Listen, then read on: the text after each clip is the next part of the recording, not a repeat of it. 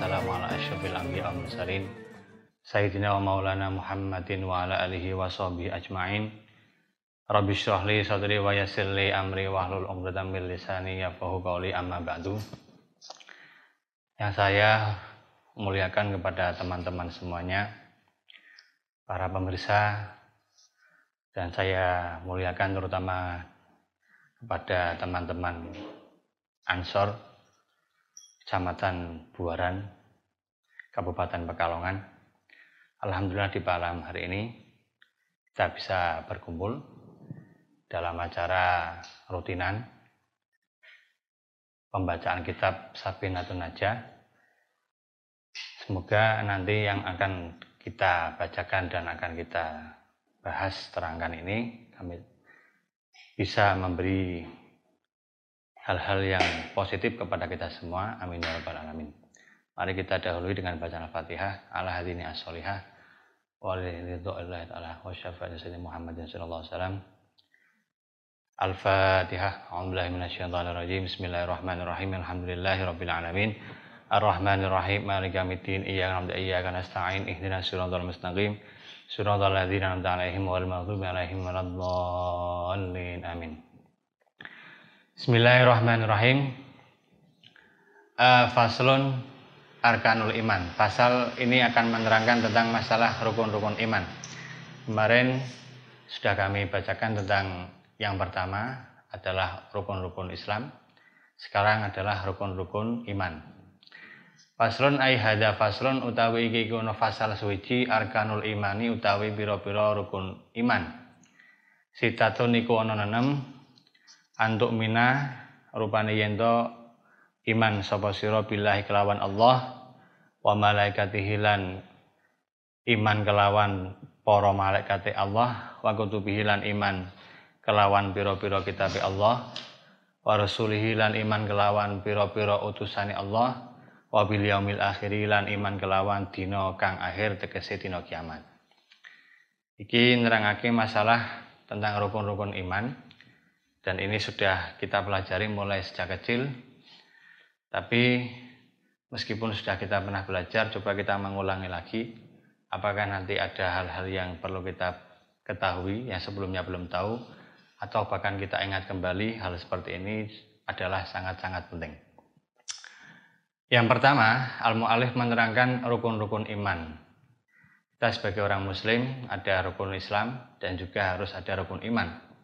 Di mana rukun iman ini jumlahnya ada enam. Yang pertama adalah iman kepada Allah, kemudian iman kepada para malaikat Allah, dan iman kepada kitab-kitab Allah, dan juga iman kepada para utusan Allah, wabil yaumil akhir dan iman kepada hari akhir. Nah, dalam permasalahan ini kita harus tahu apakah iman. Sebetulnya kita bisa biasa mengatakan kita harus punya iman, kita harus punya iman. Iman sendiri itu apa? Dalam ilmu mantik itu dijelaskan bahwasanya kalau kita akan mentasdik ataupun akan menghukumi sebuah perkara, ini biasanya ditasawurkan dulu atau diberi analisa dulu. Kadang kita mengatakan, apakah itu makanan? Enak apa tidak? Enak. Makanan apa? Bakso. Tapi setelah ditanya, bakso itu apa? Kadang kita nggak tahu.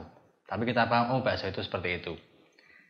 Nah begitu juga dalam iman. Kadang orang mengatakan, kita harus punya iman, kita harus punya iman. Ditanya, iman sendiri itu apa? Kadang tidak tahu. Lah al-iman, ini ada uh, pengertiannya. Dalam kitab Kasifah saja diterangkan, Bismillahirrahmanirrahim. Fal imanu lawatan mutlaqut tasdik. Sawaun kana bima ja'a bihi nabiyyu aw bi ghairihi wa syar'an atasdiqu bi jami'i ma ja'a bihi nabiyyu sallallahu alaihi wasallam. Mimma ulima minadini bidururah la mutlaqon Iman itu ada dua, ada secara bahasa dan secara istilah.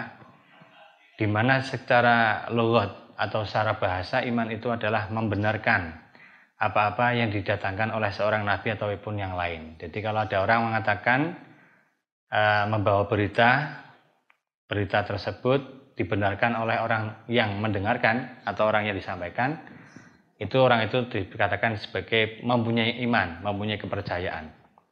Mempercayai apa-apa yang didatangkan oleh seorang baik itu nabi ataupun yang yang lainnya itu namanya iman. Ini secara lugat. Jadi orang mengatakan kamu punya iman enggak sama saya? Punya. Kenapa? Karena saya percaya apa yang kamu omongkan, apa yang kamu bicarakan. Ini ya iman, tapi iman secara lugat. Karena apa-apa yang didatangkan, yang diinformasikan dari seorang itu bisa dikatakan i, iman.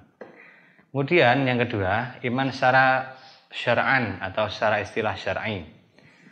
Ini lebih fokus kepada apa-apa yang didatangkan oleh kanjeng Nabi. Dalam arti membenarkan segala apa-apa yang didatangkan oleh Nabi Shallallahu Alaihi Wasallam dari hal-hal yang sudah dikatakan maklum uh, secara darurat. Artinya kalau kita membahas secara syarat ini hal-hal yang didatangkan oleh Nabi, kanjeng Nabi memberikan hadis-hadis banyak sekali tentang masalah agama, umpama begitu. Kemudian kita percaya, oh itu adalah uh, dari Nabi. Nah, ini namanya iman, ya. Ataupun juga uh, ke keberadaan Nabi. Nah, keberadaan Nabi bahwa Nabi mengatakan anak anak apa? Uh, aku itu adalah orang-orang yang terbaik di muka bumi ini karena saya sebagai Nabi. Misalnya Nabi mengatakan begitu. Kemudian kita mempercayainya. Ya betul, karena itu adalah kanjeng Nabi. Ini namanya syar'an. Iman secara syar'an. Kenapa? Kita membenarkan apa-apa yang didatangkan oleh kanjeng Nabi, ya, dan itu sudah sangat maklum untuk bisa kita kita ketahui ataupun kita imani.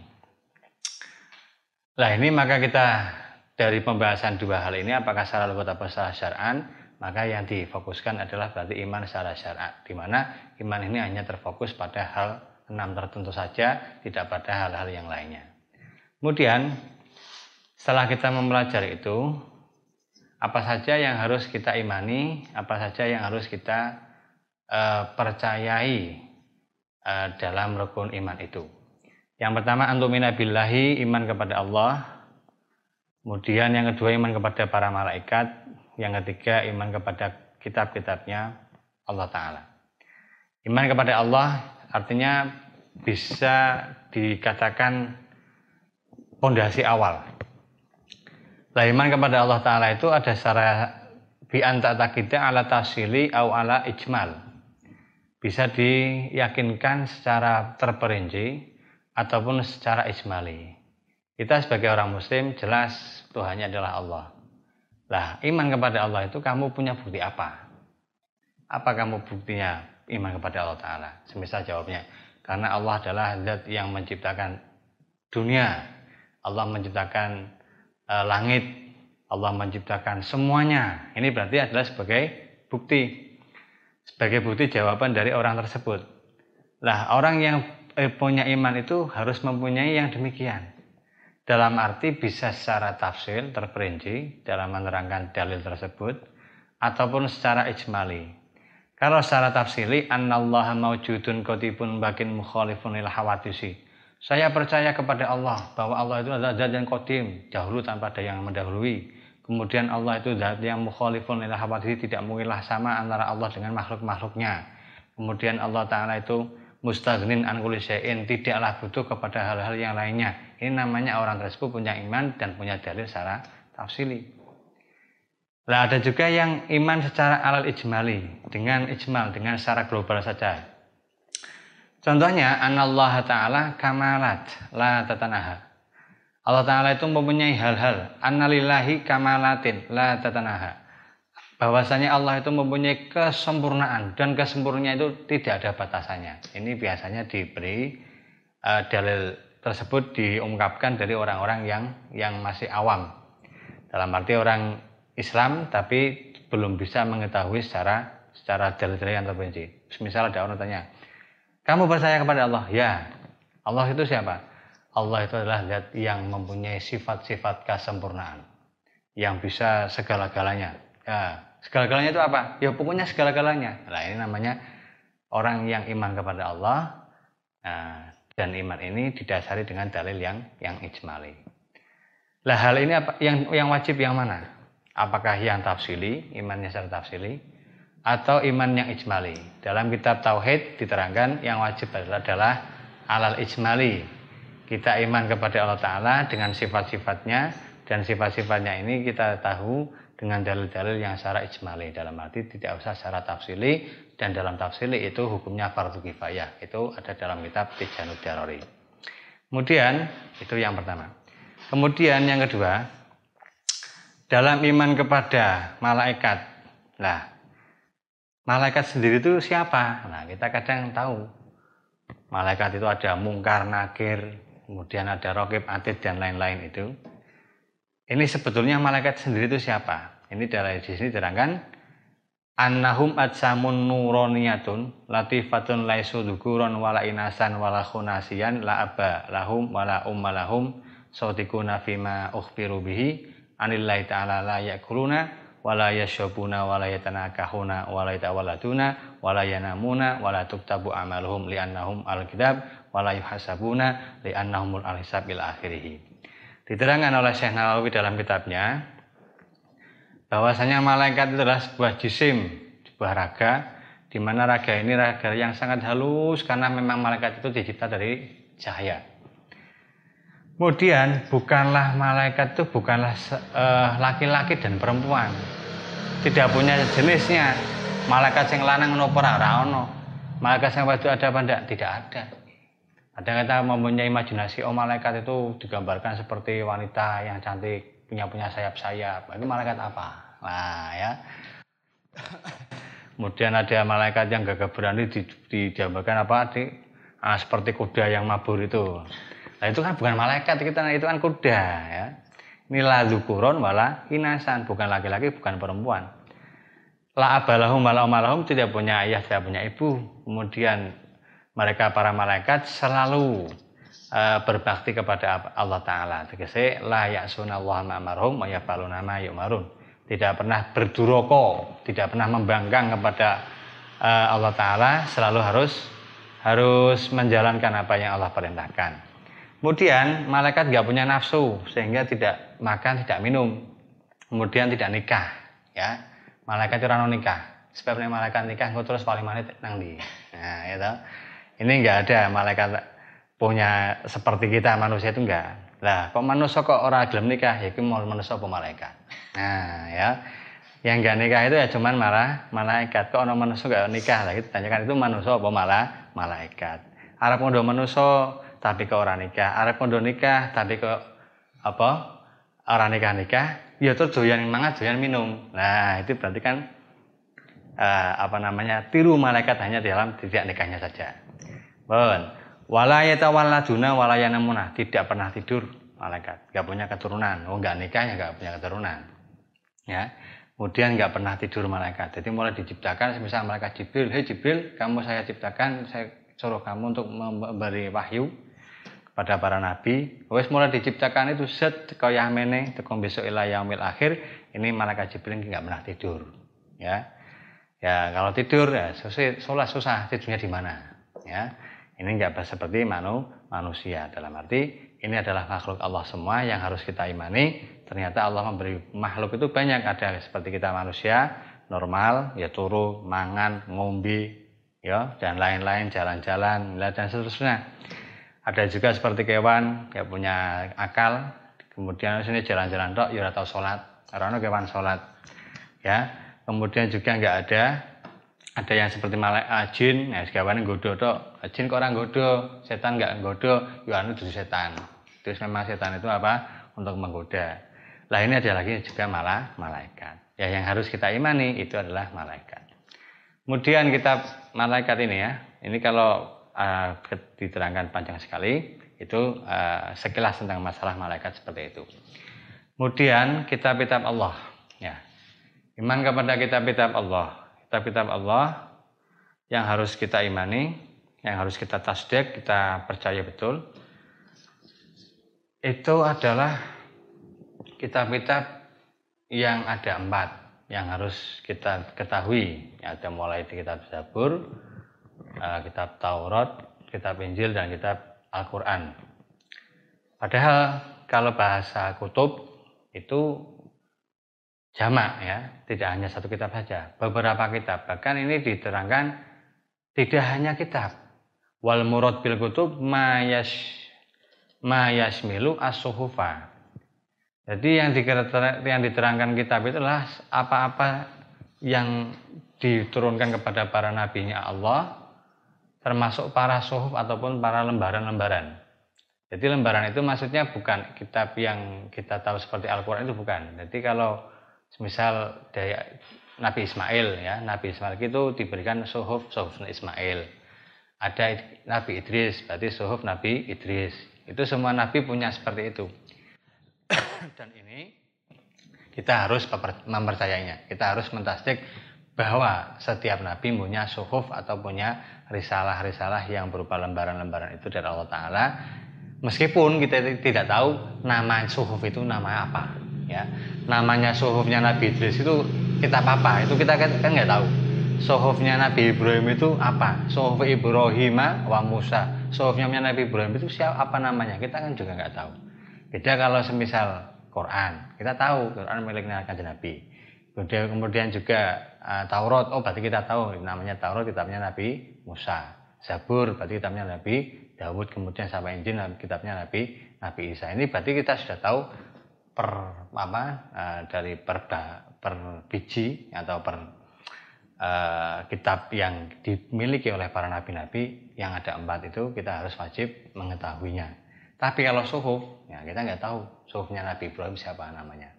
Kemudian suhufnya Nabi siapa? Ismail apa namanya? Ishak Nabi Ishak apa suhufnya nggak tahu. Tapi meskipun tidak tahu, ini kita harus juga mengimaninya bahwa setiap nabi memiliki uh, kita, uh, risalah uh, ataupun uh, suhuf-suhuf tersebut. Kemudian uh, setelah mengetahui apa itu dari kitab warusuli dan para utusan Allah Para utusan itu lafal rasul itu adalah jamak dari lafat rasulun. Rasulun jamaknya adalah rasul. Lah rasul itu para utusan Allah wahum afdolu ibadillah. Para rasul itu adalah paling utama-utamanya hamba-hambanya Allah. Jadi hamba-hambanya Allah itu yang paling utama adalah para rasul. Dari para rasul yang paling utama adalah 25. 25 nabi dan rasul yang wajib kita ketahui itu Kemudian diringkas lagi ada Ulil Azmi, Ulil Azmi mulai nabi-nabi uh, Nuh, Nabi Ibrahim, kemudian Nabi Musa, Nabi Isa, Nabi Muhammad SAW ada lima. Dari lima di ringkas lagi menjadi satu yaitu Nabi Muhammad Sallallahu Alaihi Wasallam. Ya, nah secara global para Rasul adalah hum abdulu ibadillah. Dawabun Allah wa kullang alamin setiap dari para Rasul ini adalah kami utamakan daripada orang-orang yang ada di alam semesta ini. Lah bagaimana kita mengimani para rasul? Bi anta takiti Allah ta'ala sari khalqi rusulan rijalan la yu'lamu adatuhum illallah la ya'lamu adadahum illallahu. Lah kita harus percaya kepada para utusan Allah ini dalam arti Allah mengutus kepada makhluknya beberapa rasul mulai dari Nabi Adam kepada Nabi Muhammad sampai kepada Nabi Muhammad Shallallahu Alaihi Wasallam. Ini supaya untuk apa? Basiro wanadiro, ya, untuk memberi kabar yang gembira dalam arti masuk surga orang yang melakukan buruk nanti masuknya neraka dan lain-lain namanya tabsiro watahdiro memberikan hal-hal yang positif dan juga melarang hal-hal yang yang negatif. Tidak ada rasul kok hanya diam saja itu nggak ada. Ya Rasul memang harus seperti itu, ngelarang koknya dilarang. Ya memang harus itu dilarang karena memang itu tugasnya Rasul. Kok saya diberi uh, kabar berbunga, kabar yang bagus-bagus, diiming-imingi surga, diiming-imingi uh, pahala dan lain-lain. Ya itu memang tugasnya seorang Rasul seperti itu. Dan sekarang kan Rasul tidak ada. Yang ada adalah para ulama dan ulama warasatul ambia. Jadi ini ini para kiai, ya coba. Nah, jadi dikandani para siapa? Ulama ya kita harus manut. Sebab apa? Itu memang tugasnya para ulama. Sebagai pewaris nabi ya paling sitik uh, apa jenenge? Tafsiran memberikan hal-hal yang yang baik-baik positif. Apalagi sampai dua-duanya bisa tafsiran watah watahdiran melarang hal-hal yang negatif dan juga bisa menyuruh hal-hal yang po yang positif. Ini tujuannya Allah mengutus rasul itu seperti ini. Dan jumlahnya rasul ini rejalan, kabeh lanang. Ya. Rasul itu semuanya laki-laki, tidak ada rasul perempuan. Makanya kok ono zaman kemarin ada orang mengaku-ngaku saya adalah seorang rasul. Sing ngaku wedon. Nah, ya. Wong Kanjeng Nabi saja sudah meninggal 14 abad yang lalu. Kemudian zaman sekarang kok ada nabi dan harus juga perempuan. Ngono ya ono sing percaya. Nah, sing hebat ngono. Sewis genah salah tapi wis ono sing percaya. Lebih saka maksudnya ya. Dari mana? Wong genah salahnya tapi masih ada yang yang percaya. Bon, la ya'lamu la ya'lamu adadahum ilallah. Tidak ada jumlahnya yang bisa diketahui dari utusan Allah tersebut kecuali Allah. Jadi kuwabeh iku kabeh no tidak ada yang tahu kecuali adalah Allah Allah taala. Kemudian eh, para ini ya, para nabi dan para rasul ini kenapa kok ulama atau Syekh Nawawi tidak memperinci adanya semuanya ada belah Karena Imam Nawawi, Syekh Nawawi mengatakan bahwa beliau jika membatasi Nabi itu hanya ada semisal 100 ribu apa berapa ratus ribu ini beliau khawatir nanti jangan-jangan ada Nabi yang tidak diketahui oleh halayak pada umumnya ya. Tidak bisa diketahui oleh hal yang pada umumnya padahal itu nabi. Makanya tidak bisa dibatasi hal seperti itu. Kemudian ini Imam Syekh Al-Bantani meng, apa ya. Ikhtiat dalam arti menghati-hati supaya tidak dibatasi.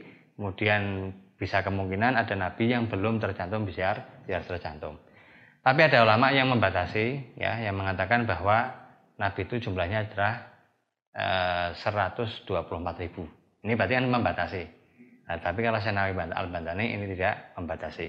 Khawatir karena supaya eh, apa namanya tidak memung, eh, tidak menutup kemungkinan ada beberapa nabi yang belum ter, yang belum terdeteksi secara sejarah ataupun secara data.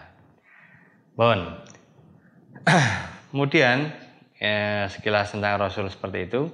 Kemudian yang terakhir yang kelima adalah antuk mina bil yaumil akhir di mana iman kepada Allah taala eh iman kepada hari akhir ai bi antus bi wujudihi wa bi jami'i ma istamala alaihi kal hasyi wal hisabi wal jazai wal jannati wan nar ila.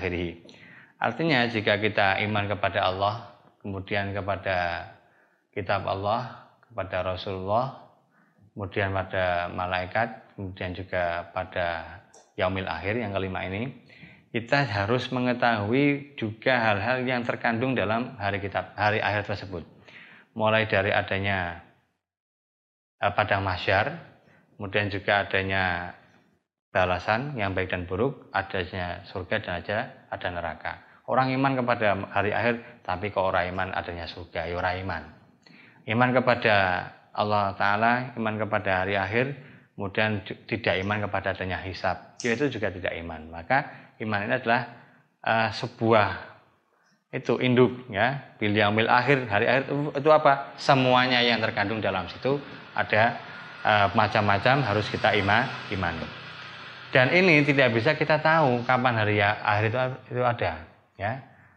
Itu semuanya adalah uh, yang tahu adalah Allah Taala. Kapan harinya dan kapan itu ketetapannya hanyalah Allah tapi ciri-cirinya atau tanda-tandanya itu ada keterangannya di antaranya munculnya Dajjal, kemudian yang lain-lain. Nah ini nggak usah diprediksi, ya. Hmm, apa hari akhir kok diprediksi nanti tahun 2012, ya.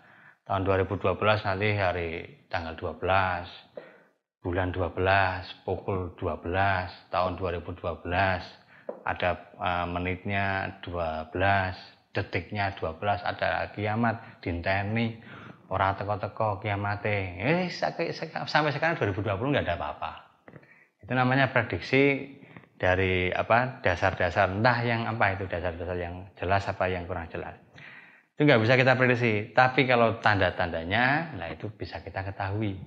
Umpama tanda-tanda ini sudah ada, ya memungkinkan. Lah kemarin di tahun 2012, wong diajale kapan tekone, ya jadwal majud urung kenalan, dan lain-lain. Belum ada sama sekali. Sudah bisa memprediksi 2012 ini namanya uh, prediksi yang yang wahmun ataupun yang meleset saja. Yo itu biar nanti rame itu ya. Bon, yang terakhir adalah mobil qadari khairihi wa syarihi di mana orang harus iman kepada kodarnya Allah, baik yang baik ataupun yang buruk. Nah ini irkon iman yang terakhir ini uh, bahwa kodok adalah ketetapan Allah di zaman azali sebelum manusia diciptakan, sebelum langit dan bumi diciptakan, sudah diciptakan dulu kodoknya. Si A itu nanti nasibnya bagaimana, si B nanti itu nanti untungnya bagaimana, si C dan lain-lain semuanya sudah ada. Nah kemudian kodar itu adalah realisasinya di mana manusia menjalankan kodok-kodok yang Allah tetapkan di sana. Ini ternyata seperti ini, ternyata seperti ini, ternyata seperti ini. Terbukti itu namanya kodok, itu namanya kodar. Dan ini ada khairihi wa syarihi, ada yang baik, ada yang buruk. Semuanya kita harus percaya. Kita melakukan yang baik dari Allah. Nah, tapi kalau kita melakukan keburukan, ya dari siapa? Nah, ini ada ada penjelasan. Bismillahirrahmanirrahim. Uh, wa amma ya. nah, wa qala Sayyid Abdullah Al-Marghani wal imanu bil qadar huwa atasdiku bi annama kana wa ma yakunu bi takdirin. Bi takdiri man yaqulu li syai'in fayakunu khairan aw syarrun naf'an aw daron. Dawahipun Syahid Abdullah Al-Marghani mengatakan bahwa iman dengan qadar itu berarti berarti percaya bahwasanya hal-hal itu uh, akan terjadi dan hal-hal itu juga sudah ter, uh, sudah pasti terjadi. Jika Allah mengatakan ya, jika Allah uh, menghendaki ini akan baik ya akan baik. Jika Allah menghendaki ini buruk maka juga akan akan buruk. Dan ini ada dasarnya dari kancing Nabi bahwa kanjeng Nabi mengatakan kullu syai'in biqada'in wa qadarin. Setiap hal apa pun itu pasti ada kodoknya, ada kodarnya. Sekarang saya mau tanya, ada orang maksiat itu takdir atau enggak? Ya. Orang maksiat terus itu kodok apa? Kodoknya seperti itu apa bukan? Takdirnya seperti itu atau bukan? Ini dalam tauhid harus dipahami. Dalam tauhid ini juga harus dipelajari. Karena ini merupakan rukun iman. Hal yang baik hal yang buruk itu ada kaitannya dengan kodok dan koder dan ini merupakan rukun iman. Nah, dawahipun al-mu'alif mengatakan begini. Uh, wa amma hadithu muslim fi du'a iftitah wa syarru laisa ilaika fa ma'nahu wa la syarru bi taqarrubu ilaihi ilaika aw la yudafu ila Allah ta'atuban li anna la'ik bin nisbatil khairi lillah wa syarr wasyarra lin nafsi ta'aduban. Jadi semuanya hal-hal yang baik maupun yang buruk meskipun itu adalah dari Allah atas kodok dan takdirnya akan tetapi kalau toh hal-hal yang baik ini layaknya disandang dari Allah. Kemudian hal-hal yang buruk itu dilakukan atau disandarkan kepada manusia. Kenapa alasannya itu ta'aduban karena sebagai sebagai tata krama kepada Allah Ta'ala. Dalam arti, jika ada orang melakukan kebaikan, orang itu baik sekali, dia selalu melakukan uh, sholat jamaah, dia selalu melakukan hal-hal apa sodako, dia selalu uh, ngepenake kepada teman-temannya dan lain. Ini kan hal yang baik. Ini ya kalau orang mukmin menjawab eh, apa? Ini adalah anugerah dari Allah. Ini adalah hal-hal yang uh, sesuai rencana dari Allah. Ini karena hal-hal baik kita uh, layakkan kepada Allah. Ya yang maksiat, kalau yang maksiat atau yang yang hal-hal yang buruk ini jangan kita sandarkan kepada Allah Taala. Karena apa? Enggak pantas, ya. Masa melakukan dosa besar, napa iki iki karena Gusti Allah Taala. Nah, kenapa kamu menjadi karena Allah Taala? Oh, mencuri karena karena karena Allah Taala. Ini kan namanya tidak tidak taatuban, tidak bertata krama kepada Allah. Maka dalam Al-Qur'an dikatakan Qala Allah Ta'ala ma asabaka min hasanatin faminallah ay ijatan wa khalqan wa ma asabaka min sayyatin famin nafsika ay kasban la khalqan. Nah, ini diterangkan dalam Al-Qur'an. Hal-hal yang baik yang mengenai pada diri kamu itu adalah dari Allah Ta'ala. Ijadan wa khalqan ini secara uh, aplikasi dari Allah diterapkan oleh Allah Ta'ala. Dan juga secara wujudnya seperti itu. Ya wujudnya ini dari Allah ya. Yang mewujudkan seperti itu ya Allah Ta'ala. Yang membentuk seperti itu ya Allah Ta'ala. Tapi wa ma'asobaka min sayatin famin nafsik. Kalau itu hal-hal yang buruk yang kamu datangkan, yaitu dari diri kamu. Dari diri kamu aikasban lah kholkon. Karena yang melakukan keburukan mencuri ya kamu, ya berarti kamu. Ya yang membuat tetap ada adalah Allah. Jadi Allah Ta'ala itu membuat. ya. Tapi karena itu adalah hal yang buruk, maka kita nggak layak disandang dari Allah. Disandangkan kepada diri manusia sendiri. Itu namanya adil ya namanya ta'aduban punya tata kerama kepada sang kholek ya jadi mau belajar nabi belajar tauhid karena sudah mengetahui kodok kodar itu semuanya Allah Taala. Ya. Kabeh dinisbatkan kepada Allah Taala. Ono bocah sekolah sergap ngapa sampean kok sekolah sergap ya karena kodok dan takdirnya Allah Taala seperti ini. Nah ini membanggakan karena dia sekolahnya sergap yang satunya kamu ora tau mangkat terus napa cacah ya iki wis takdire Gusti Allah taala. Ya iki wis takdire Gusti Allah taala. Gurune jengkel tak tutuk sampean. Lho kok kok sampean tutuk? Kula Pak Guru saya tutuk kepada kamu ya karena takdirnya Allah taala. Ya jadi semuanya adalah takdir dari Gusti Allah taala. Ini harus kita ima imani ya itu ya. Wallahu alam bisa Bon ini untuk uh, kasifah sudah sedikit kami bacakan. Nanti boleh kalau mau tanya